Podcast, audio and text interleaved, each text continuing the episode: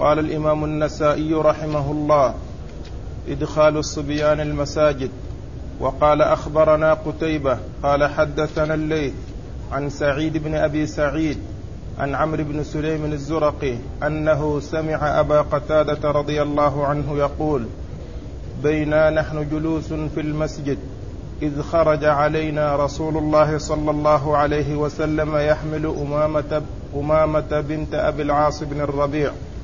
وأمها زينب بنت رسول الله صلى الله عليه وسلم وهي صبية يحملها فصلى رسول الله صلى الله عليه وسلم وهي على عاتقه يضعها إذا ركع ويعيدها إذا قام حتى قضى صلاته يفعل ذلك بها.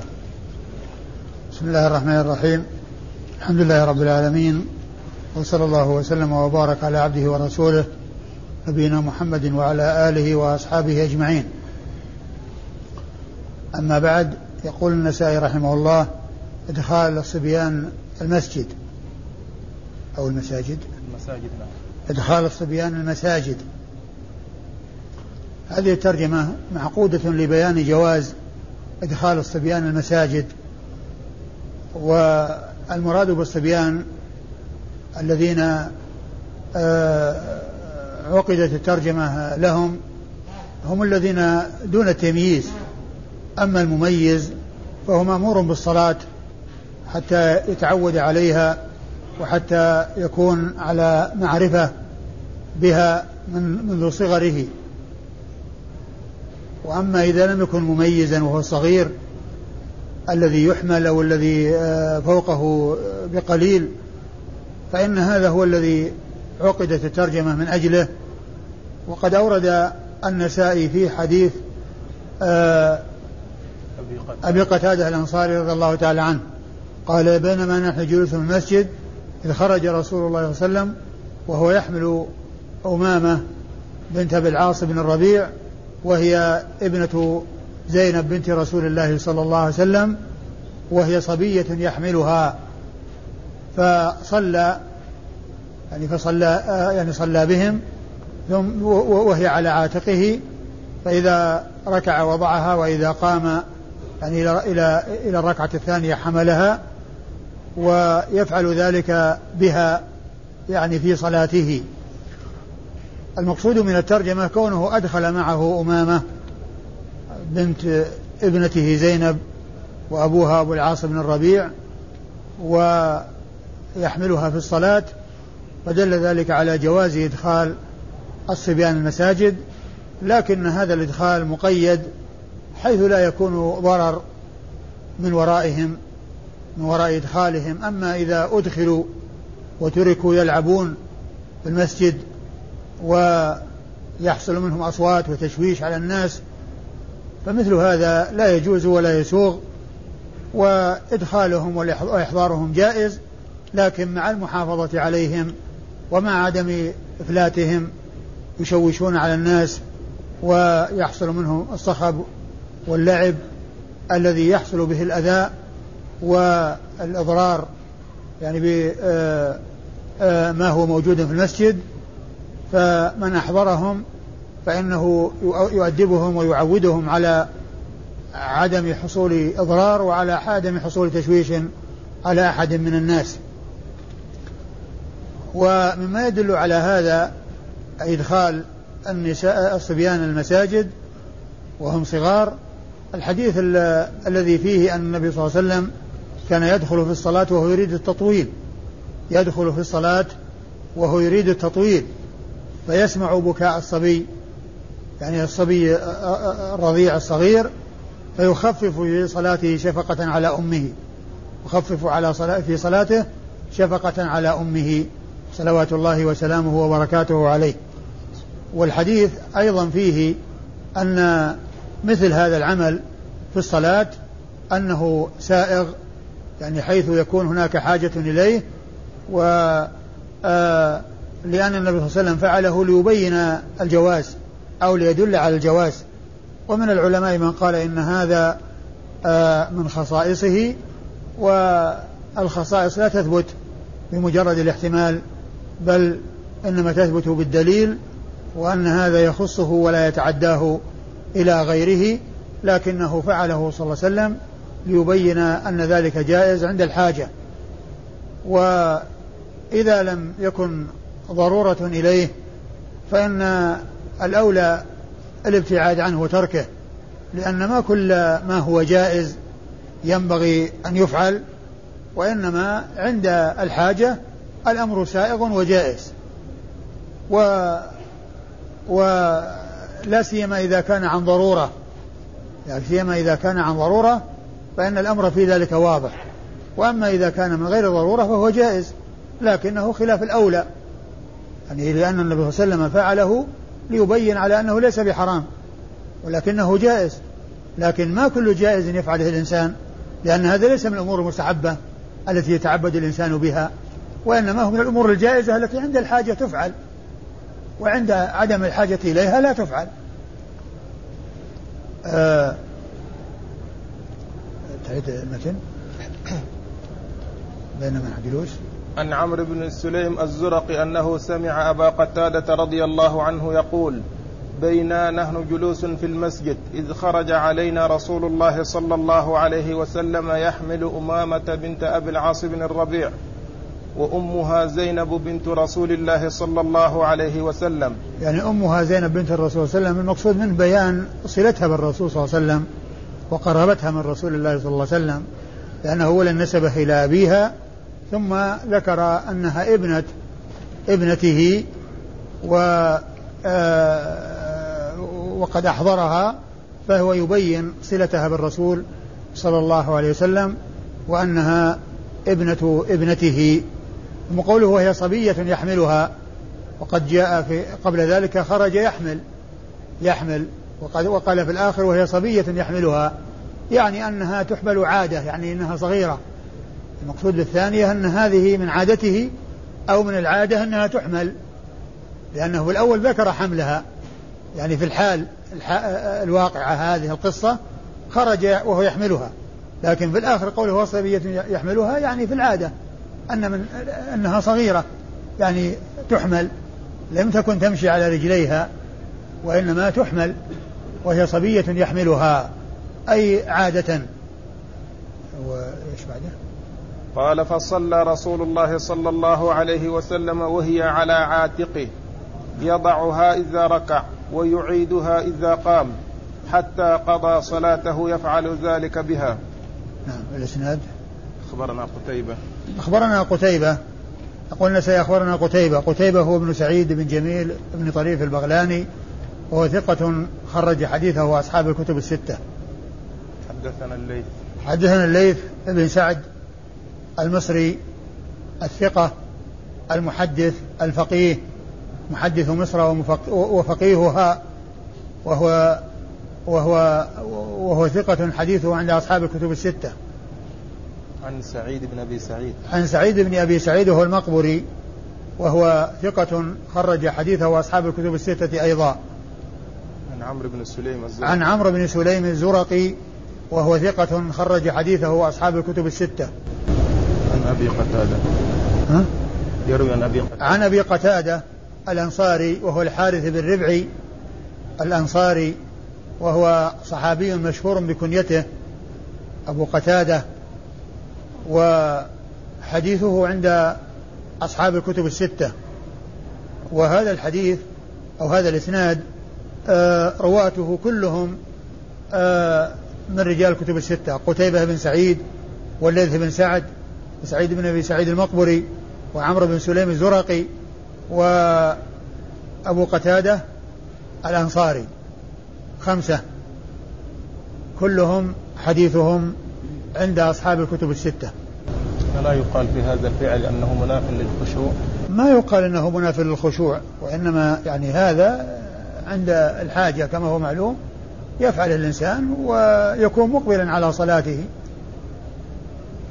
لأن الرسول صلى الله عليه وسلم هو سيد الخاشعين وسيد المتواضعين وسيد المتوكلين وسيد البشر عليه الصلاة والسلام وقد فعل هذا.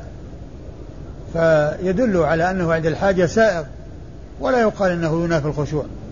قال ربط الأسير بسارية المسجد وقال أخبرنا قتيبة قال حدثنا الليث عن سعيد بن أبي سعيد أنه سمع أبا هريرة رضي الله عنه يقول بعث رسول الله صلى الله عليه وسلم خيلا قبل نجد فجاءت برجل من بني حنيفة يقال له ثمامة بن اثال سيد أهل اليمامة. فربط بسارية من سوار المسجد. مختصر. ثم أورد النسائي ربط الأسير في المسجد. بسارية المسجد. ربط الأسير بسارية من سواري المسجد. يعني يدل على جواز المقصود من ذلك الدلالة على جواز مثل هذا العمل.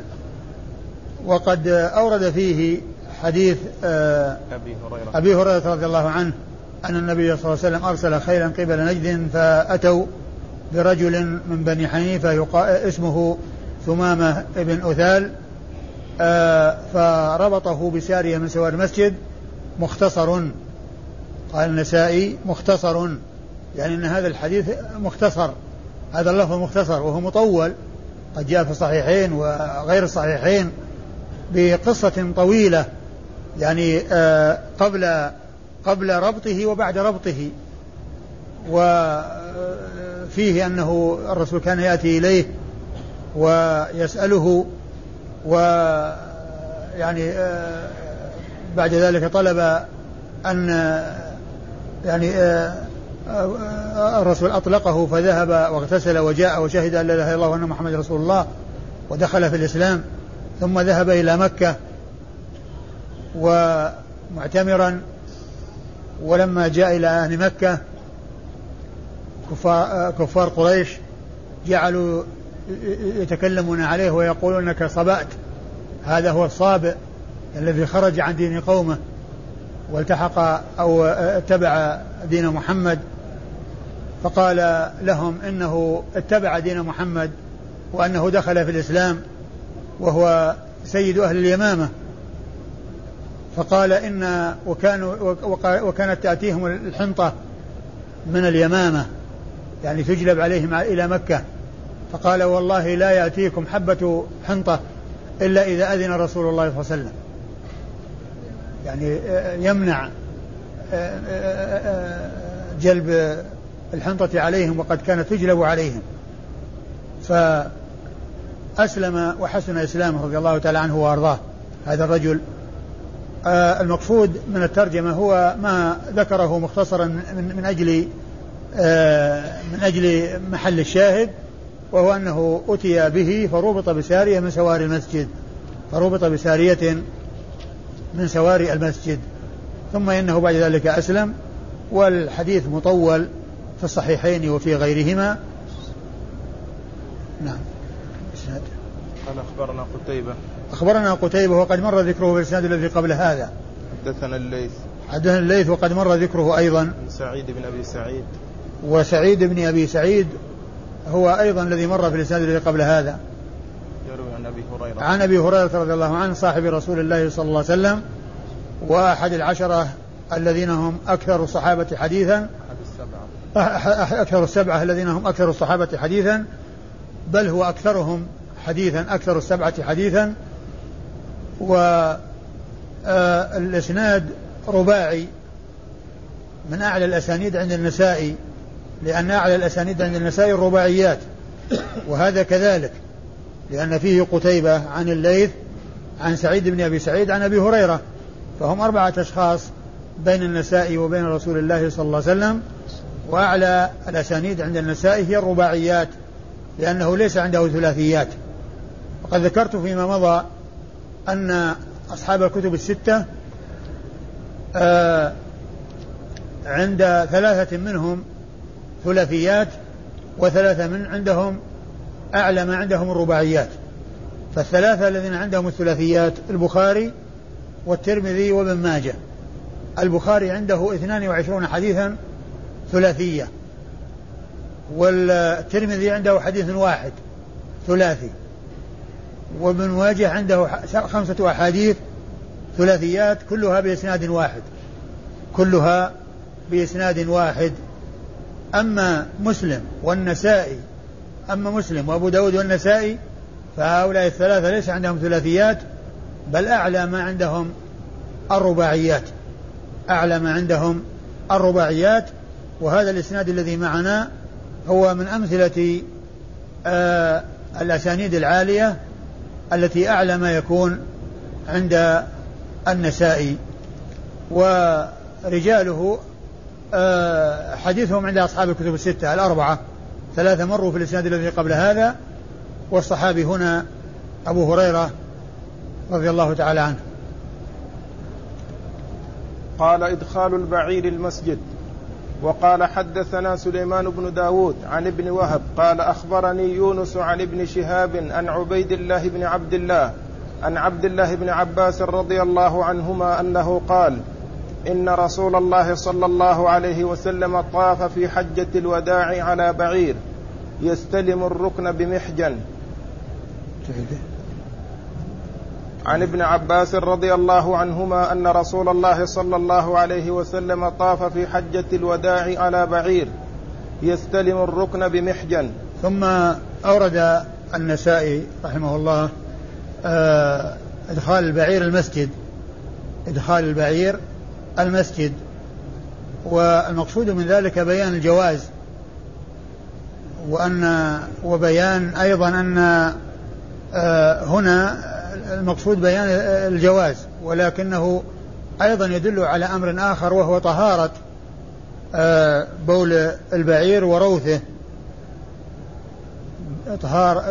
طهارة بول البعير وروثه آه، لأن ومثله كل ما يؤكل لحمه كل ما يؤكل لحمه فروثه وبوله طاهر وبوله طاهران.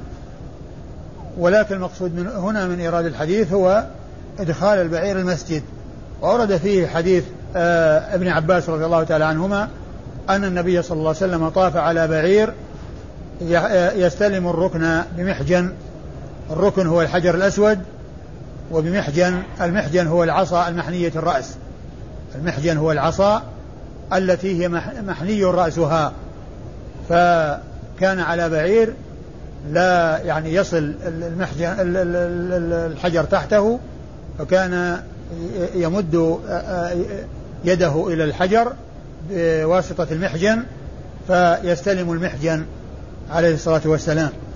يستلم الحجر بالمحجن. والمقصود هنا ما عقد ترجمة له وهو إدخال البعير المسجد. والرسول صلى الله عليه وسلم دخل أدخل البعير لحاجته إلى ذلك لأنه كان يعني يريد أن يراه الناس لأنه حصل يعني آه، بسبب الزحام آه، أراد أن يكون عاليا حتى يراه الناس لأنه جاء في بعض الروايات أن الناس غشوه يعني أحاطوا به حتى لا يراه يعني الناس الآخرون. فكان طوافه على بعير حتى يكون عاليا يرى الناس حركاته وسكناته صلوات الله وسلامه وبركاته عليه. والحديث يدل على ما ترجمه النسائي ويدل أيضا على طهارة آه، أبوال الإبل وأرواثها ووجه الدلالة أن آه، إدخالها المسجد مع معرفة أنها عرضة لأن يحصل منها الروث ويحصل منها البول فلولا أن أن أنها طاهرة لما عرض الرسول صلى الله عليه وسلم المسجد لحصول النجاسة فيه فلما أدخلها دل على طهارتها. ومما يدل على طهارتها أن النبي صلى الله عليه وسلم أذن في شرب أبوالها يعني في التداوي وهذا يدل على طهارتها وعلى عدم نجاستها. كونه أذن بشربها. وكذلك هنا كونه أدخل البعير المسجد وهو عرضة لأن يبول وأن يحصل منه الروث فدل على طهارة آه البول. ودل أيضا على يعني آه صحة طواف الراكب عند الحاجة إلى ذلك. أن طوافه صحيح. إذا طاف وهو راكب كما فعل رسول الله صلوات الله وسلامه وبركاته عليه. يعني إذا كان راكبا أو محمولا فطوافه صحيح. يقول حدثنا سليمان بن داود. يقول حدثنا سليمان بن داود. حدثنا سليمان بن داود وهو ثقة خرج وهو أبو الربيع المصري. ثقة خرج حديثه أبو داود النسائي نعم. أبو داود والنسائي. خرج حديثه أبو داود والنسائي. خرج من أصحاب الكتب الستة اثنان وهما أبو داود والنسائي. عن ابن وهب. عن ابن وهب وهو عبد الله بن وهب المصري وهو ثقة خرج حديثه أصحاب الكتب الستة. قال أخبرني يونس. أخبرني يونس وهو ابن يزيد الأيلي وهو ثقة حديثه عند أصحاب الكتب الستة. عن ابن شهاب. عن ابن شهاب وهو محمد بن مسلم ابن عبيد الله بن عبد الله بن الحارث ابن شهاب ابن عبد الله بن زهرة ابن كلاب. وقد مر آه وقد مر ذكره كثيرا في سنن النسائي وهو مكثر من رواية حديث رسول الله صلى الله عليه وسلم وهو إمام جليل معروف بالفقه والحديث. وقد مر أيضا أنه هو الذي كلفه الخليفة عمر بن عبد العزيز بجمع السنة وكتابة الحديث وهو الذي قال فيه السيوطي أول جامع الحديث والأثر ابن شهاب آمر له عمر وحديثه عند أصحاب الكتب الستة. قال عن عبيد الله بن عبد الله. عن عبيد الله بن عبد الله بن عتبة بن مسعود وعبيد الله بن عبد الله بن عتبة بن مسعود هذا ثقة حديثه عند أصحاب الكتب الستة وهو أحد الفقهاء السبعة في المدينة المشهورين بهذا اللقب في عصر التابعين لأنه قد عرف في كتب الفقه وفي شروح الحديث عندما يأتي مسألة خلافية وتذكر أقوال العلماء فيها فإذا كان الفقهاء السبعة اتفقوا على القول بها فإنهم يقولون قال بها الفقهاء السبعة فهو لقب أطلق عليهم. إذا قيل آه، وقال به الفقهاء السبعة فالمراد به فقهاء المدينة السبعة. وكذلك يقال آه، قال به الأئمة الأربعة والفقهاء السبعة. المراد بالأئمة الأربعة اللي هم أبو حنيفة ومالك والشافعي وأحمد والفقهاء السبعة الذين هم فقهاء التابعين في المدينة المشهورين بهذا اللقب. وهم عبيد الله بن عبد الله بن عتبة بن مسعود هذا آه وعروة بن الزبير بن العوام وخارجة بن زيد بن ثابت وسعيد بن المسيب وسليمان بن يسار والقاسم بن محمد بن أبي بكر الصديق هؤلاء ستة متفق على عدهم في الفقهاء السبعة. وأما السابع منهم ففيه ثلاث أقوال. قيل إنه سالم بن عبد الله بن عمر بن الخطاب وقيل إنه أبو بكر بن عبد الرحمن بن الحارث بن هشام وقيل هو أبو سلمة بن عبد الرحمن بن عوف. فالسابع فيه ثلاث أقوال قيل أبو عبد أبو سلمة بن عبد الرحمن بن الحارث بن هشام وأبو بكر وقيل أبو بكر بن عبد الرحمن بن الحارث أبو سلمة بن عبد الرحمن بن عوف وقيل أبو بكر بن عبد الرحمن بن الحارث بن هشام وقيل سالم بن عبد الله بن عمر بن الخطاب. عن ابن عباس؟ نعم. عن ابن عباس وهو عبد الله بن عباس ابن عم رسول الله صلى الله عليه وسلم و أحد أحد المشهورين بالعلم والفقه وقد دعا له الرسول من الصحابة وقد دعا له الرسول صلى الله عليه وسلم فكان من أعلم الناس بتفسير القرآن رضي الله تعالى عنه وأرضاه. وهو مكثر من رواية حديث رسول الله صلى الله عليه وسلم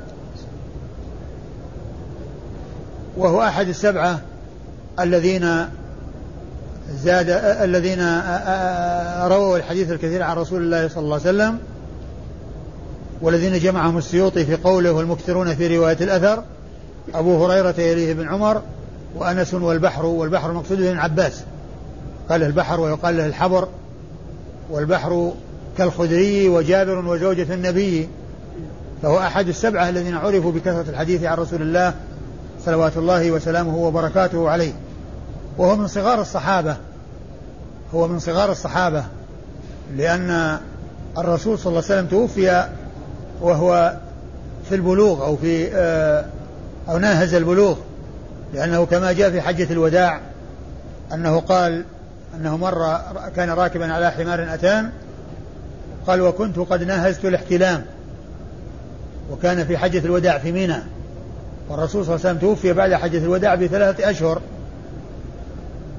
أو تقريبا. فهو من صغار الصحابة رضي الله عنه وأرضاه. وهو أيضا أحد العبادلة الأربعة في الصحابة.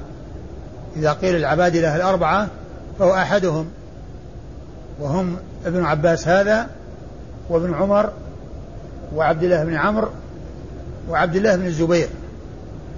هؤلاء من صغار الصحابة وكانوا في سن متقارب وقد عاشوا واستفاد الناس من علمهم وحديثهم ولهذا يطلق عليهم لقب العبادلة الأربعة في الصحابة. وليس ابن مسعود من من العبادلة الأربعة لأنه متقدم الوفاة وهو من كبار الصحابة. وقد توفي سنة 32 وأما هؤلاء فقد عاشوا بعد ذلك بمدة طويلة وأدركهم من لم يدرك ابن مسعود من التابعين وأخذوا عنهم الحديث وأخذوا عنهم العلم. فابن عباس رضي الله عنه أحد العباد الأربعة وأحد السبعة من الصحابة المكثرين من رواية حديث رسول الله صلوات الله وسلامه وبركاته عليه ورضي الله تعالى عن ابن عباس وعن الصحابة أجمعين. قال النهي عن البيع والشراء في المسجد وعن التحلق قبل صلاة الجمعة. وقال أخبرنا إسحاق بن إبراهيم قال أخبرني يحيى بن سعيد عن ابن عجلان عن عمرو بن شعيب عن أبيه عن جده رضي الله عنه أن النبي صلى الله عليه وسلم نهى عن التحلق يوم الجمعة قبل الصلاة. وعن الشراء والبيع في المسجد. ثم أورد النسائي رحمه الله هذه الترجمة وهي النهي عن البيع والشراء في المسجد وعن التحلق يوم الجمعة قبل الصلاة.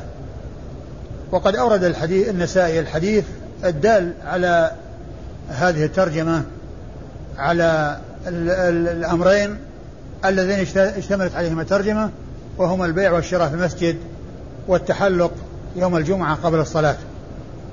والتحلق هو يعني آه، آه، الجلوس حلقا يعني لعلم أو لغيره. وذلك أنه يشغل عن الاستعداد للصلاة والتهيؤ لها. وكذلك أيضا ال ال ال الاشتغال يعني بذكر الله عز وجل. والاستعداد لسماع الخطبة. فنهى الرسول صلى الله عليه وسلم عن التحلق يوم الجمعة قبل الصلاة. ونهى عن البيع والشراء في المسجد. وذلك أن البيع والشراء هو شأن الأسواق وليس وليس شأن المساجد لأن المساجد ما بنيت لتحصيل الدنيا والبحث عن الدنيا وإنما بحثت ل وإنما بنيت ل أو عمرت لتحصيل مكاسب الآخرة والعواقب الحميدة التي تحصل في الدار الآخرة. ولم تبنى لما هو شأن الأسواق الذي هو البيع والشراء. ولهذا نهى رسول الله صلى الله عليه وسلم عن البيع والشراء في المسجد فإن ذلك لا يسوق ولا يجوز. فالحديث دال على الترجمة بشقيها وهي التحلق يوم الجمعة قبل الصلاة والبيع والشراء في المسجد فكل من, من هذين نهى عنه رسول الله صلوات الله وسلامه وبركاته عليه. والنهي عن البيع والشراء مطلقة يوم الجمعة وغير الجمعة. ليس المقصود منه أنه يوم الجمعة وأنه يعني ذكر التحلق يوم التحلق يعني يوم الجمعة قبل الصلاة وقد جاء في القرآن فاسعوا إلى ذكر الله وذروا البيع. يعني في يوم الجمعة فليس النهي عن البيع والشراء خاصا بيوم دون يوم وفي وقت دون وقت بل هو ممنوع دائما وأبدا والرسول صلى الله عليه وسلم نهى عنه مطلقا وليس مقيدا في وقت دون وقت. أو في يوم دون يوم فذلك لا يسوغ ولا يجوز. وأما إسناد الحديث فيقول النسائي أخبرنا إسحاق بن إبراهيم. إسحاق بن إبراهيم ابن مخلد ابن راهوية المشهور بابن راهوية و وإسحاق بن إبراهيم ابن راهوية هذا محدث فقيه. وهو ممن ظفر أو ممن حصل له لقب أمير المؤمنين في الحديث وهو من أعلى صيغ التعديل. لم يحصل إلا لقليل من المحدثين ومنهم إسحاق بن إبراهيم هذا. وصف بأنه أمير المؤمنين في الحديث. وهذا لقب رفيع ومنزلة عالية لم تحصل للكثير من المحدثين. وإنما حصلت للنادر والقليل منهم. وقد وهذا منهم رحمة الله عليه.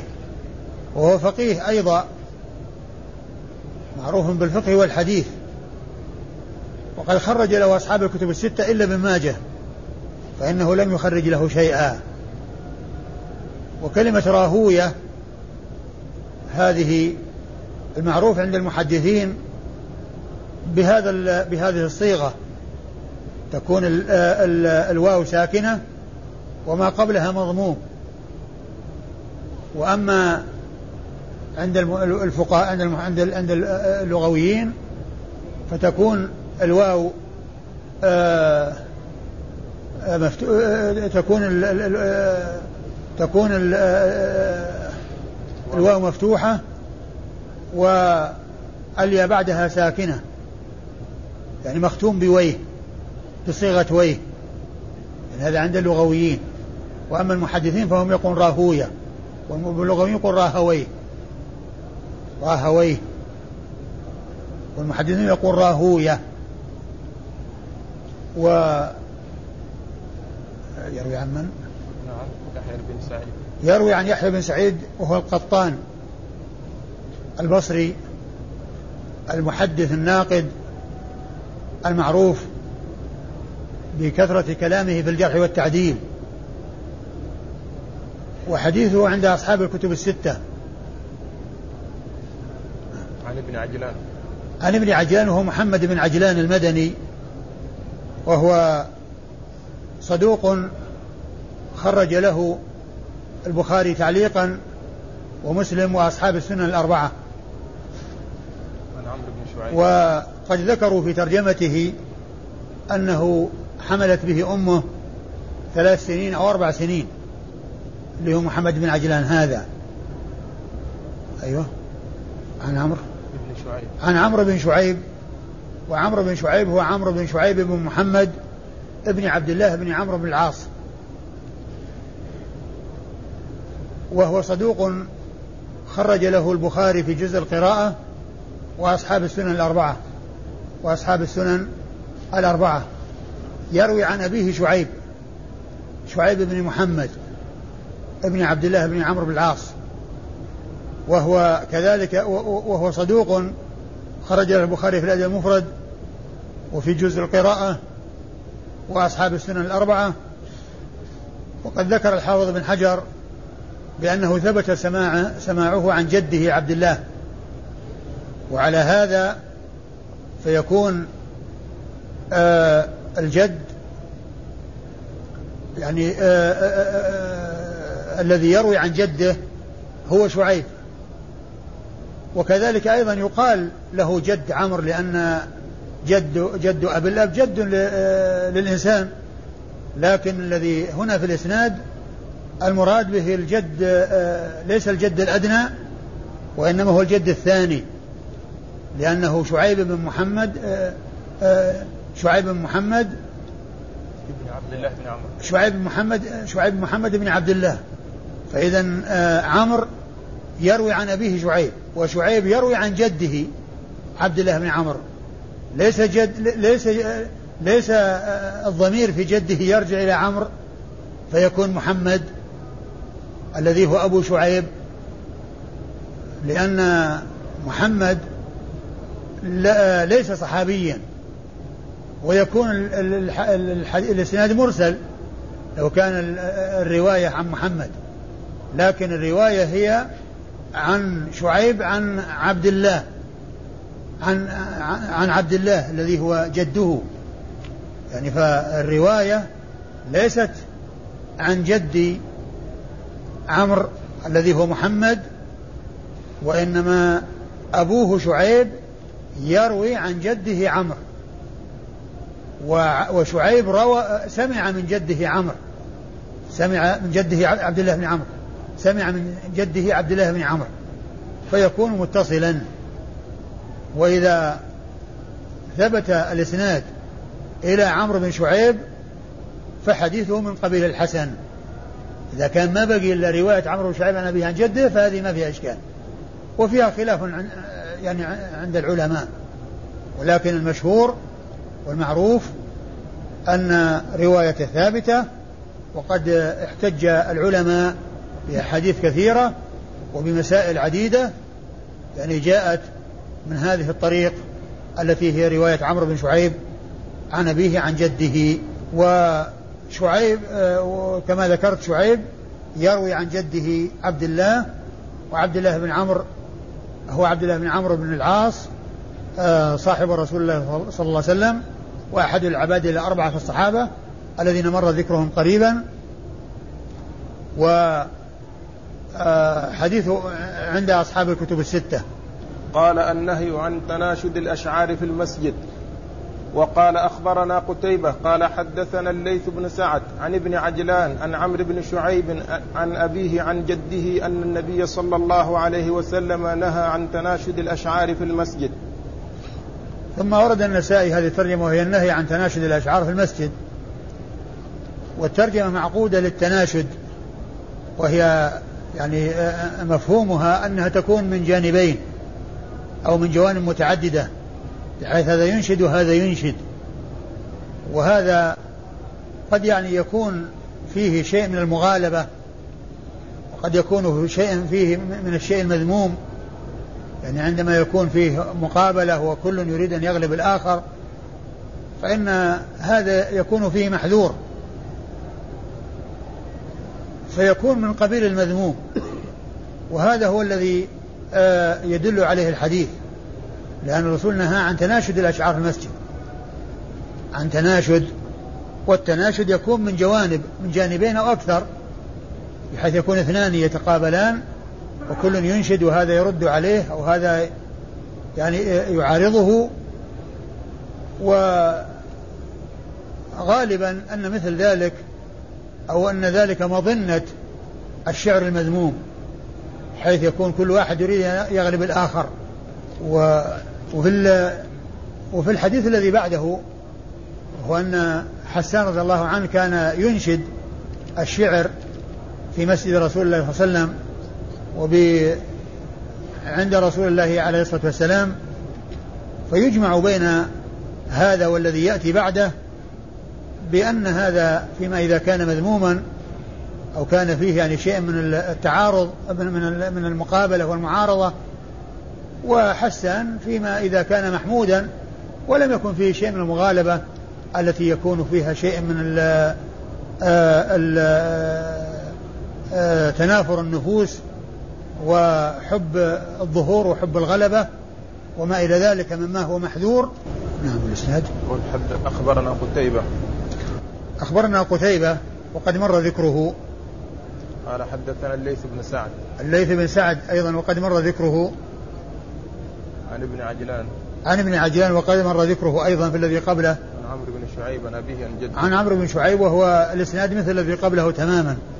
الإسناد هو إسناد الحديث الذي قبله تماما. أيوه. اللي بعده. قال الرخصة في إنشاد الشعر الحسن في المسجد. وقال أخبرنا قتيبة قال حدثنا سفيان عن الزهري عن سعيد بن المسيب أنه قال مر عمر بحسان بن ثابت رضي الله عنهما وهو ينشد في المسجد. فلاحظ إليه فقال قد أنشدت وفيه من هو خير منك. ثم التفت إلى أبي هريرة فقال أسمعت رسول الله صلى الله عليه وسلم يقول أجب عني اللهم أيده بروح القدس. قال اللهم نعم.